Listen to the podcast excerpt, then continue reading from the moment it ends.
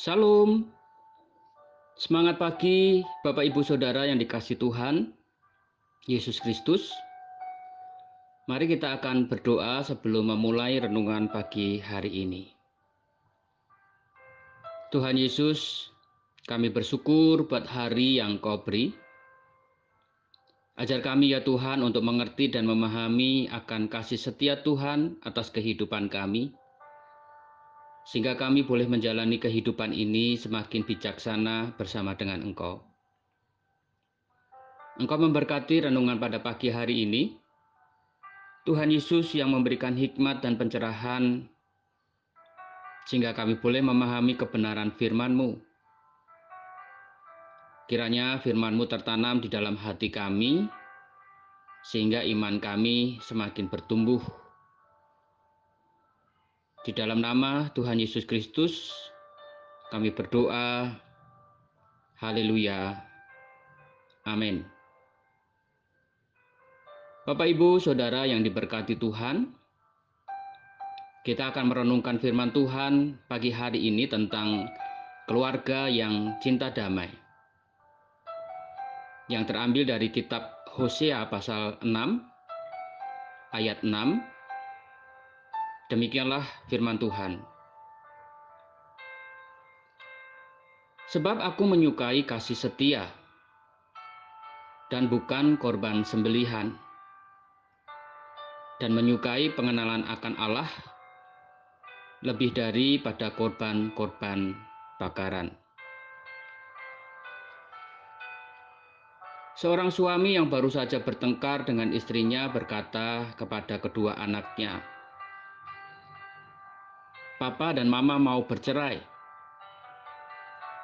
Kalian pilih mau ikut papa atau mama. Anak pertama terseduh-seduh memeluk mamanya dan menjawab, "Ikut mama." Anak kedua menangis dan berkata, "Saya juga ikut mama." Si papa terdiam lalu tersipu-sipu berkata, "Kalau begitu, Papa juga ikut Mama saja." Ribut berubah jadi rukun lagi, tetapi kelak mereka ribut lagi. Kalau suami istri, anak, kakak, adik, mertua, menantu yang normal, sekali waktu mereka ribut, setelah ribut, rukun lagi. Ribut berarti bertengkar, sedangkan rukun berarti damai. Jadi ribut dan rukun tidak ada persamaannya. Bahkan kedua kata itu saling bertolak belakang. Bukankah sebetulnya kehidupan berkeluarga itu ditandai oleh suasana ribut dan suasana rukun. Biar bagaimanapun rukunnya suatu keluarga, bukankah dalam kenyataan juga terjadi keributan? Mana ada suami dan istri tidak pernah ribut, atau adik dan kakak yang tidak pernah bertengkar, atau anak dan orang tua yang tidak pernah bertikai, lebih baik kita bersikap realistis dan mengakui bahwa ribut dan rukun memang saling bergandengan dalam perjalanan hidup keluarga. Mereka adalah orang-orang yang paling kita andalkan. Karena itu, kita mempunyai ekspektasi atau harapan yang tinggi dari mereka. Namun, sebagai orang dekat, kita juga mudah melihat segala keburukan mereka. Ekspektasi atau harapan kita berbeda dengan kenyataan. Lalu kita menjadi kecewa. Lalu kita menjadi kesal. Selanjutnya, sebagai orang dekat kita tidak sungkan mengecam. Bahkan kecaman itu dapat menimbulkan keributan. Hubungan orang-orang dalam keluarga memang penuh dinamika. Mereka adalah ibarat telur dalam keranjang. Kapan telur-telur itu berbenturan dan menjadi retak? Kalau mereka terletak dalam satu keranjang yang sama. Dua telur yang terletak berjauhan atau dalam keranjang yang berbeda tidak mungkin akan berbenturan namun, justru telur yang terletak dalam satu keranjang yang sama akan berbenturan. Anak dan orang tua, suami dan istri, adik dan kakak, mertua dan menantu, kemenakan dan ipar adalah ibarat telur-telur dalam satu keranjang. Mereka berdekatan karena itu mereka berbenturan. Namun mereka tetap saling membutuhkan dan saling mencintai. Mereka ribut meskipun rukun. Mereka rukun meskipun ribut. Itulah hidup berkeluarga.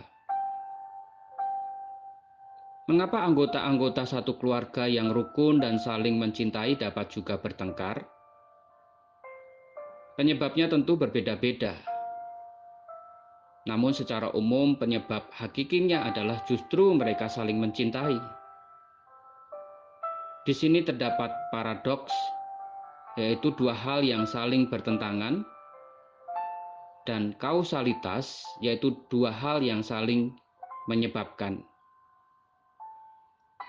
Anggota-anggota satu keluarga adalah orang-orang yang paling dekat dengan kita di sini letak paradoksnya. Kita benci, padahal kita mencintai. Dan di sini letak kausalitasnya. Kita benci karena kita mencintai.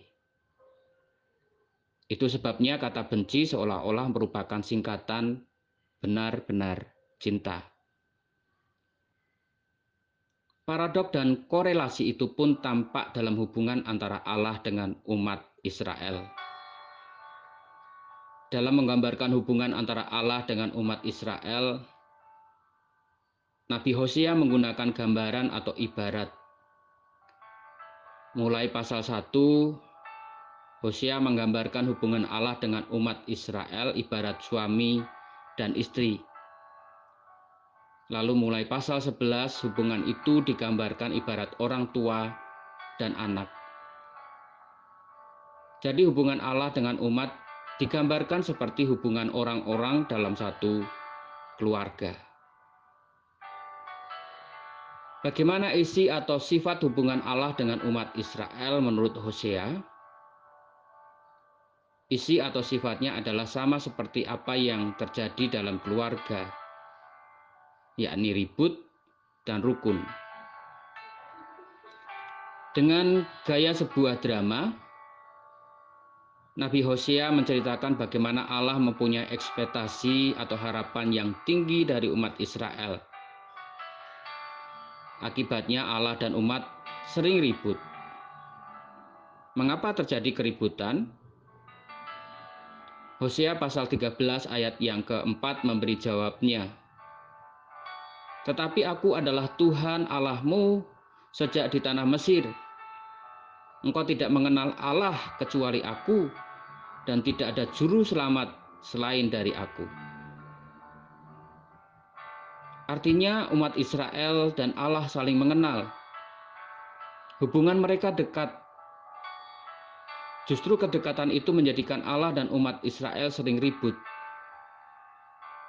Akan tetapi, sesudah ribut, Allah dan umat Israel menjadi rukun kembali. Kata kunci dalam kitab Hosea adalah kasih setia. Kasih setia Allah terhadap umat Israel tidak berkesudahan. Kasih setia itu menyebabkan Allah selalu mau rukun kembali dengan umatnya. Sebab itu Allah menuntut agar umat pun bersikap kasih setia.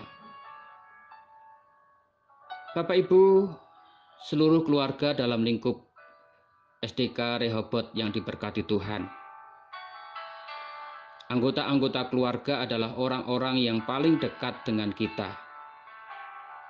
Mereka dekat baik dalam jarak maupun dalam intimitas, yaitu kedekatan atau keakraban hubungan. Kedekatan itu menimbulkan hubungan yang intens dan memunculkan beraneka ragam perasaan. Berbagai perasaan itu misalnya cinta, kecewa, butuh, amarah, rindu, peduli, iba, cemas, kesal, atau perasaan lainnya. Dapat menimbulkan kerukunan dan serempak juga keributan. Renungan ini mengangkat gejolak perasaan-perasaan itu ke permukaan supaya kita mengerti apa yang sebenarnya terjadi dalam dinamika hubungan antara orang-orang yang ada dalam satu keluarga. Namun juga tidak berarti membenarkan bahwa dalam kehidupan keluarga selalu terjadi keributan. Untuk menjadi keluarga yang cinta damai, tentunya kita harus selalu bersikap seperti Allah yang pertama mengambil inisiatif untuk rukun kembali dengan umatnya. Bahkan Allah memberikan damai kepada umatnya melalui kasih setianya.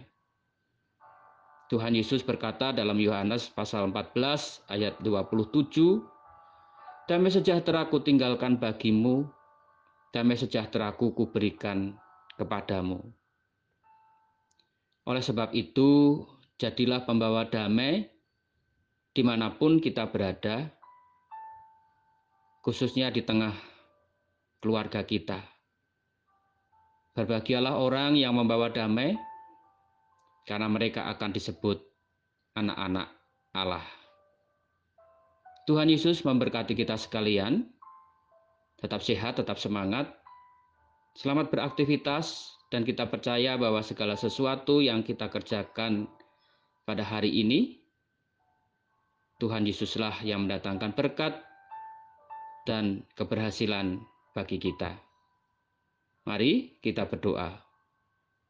Tuhan Yesus, pimpinlah kami sebagai orang tua untuk membawa damai di tengah keluarga dan di mana pun kami berada, sehingga kami dapat menjadi keluarga yang cinta damai di dalam hubungan keluarga yang penuh dengan dinamika. Di dalam nama Tuhan Yesus Kristus, Juru Selamat kami yang hidup, kami berdoa. Haleluya. Amin.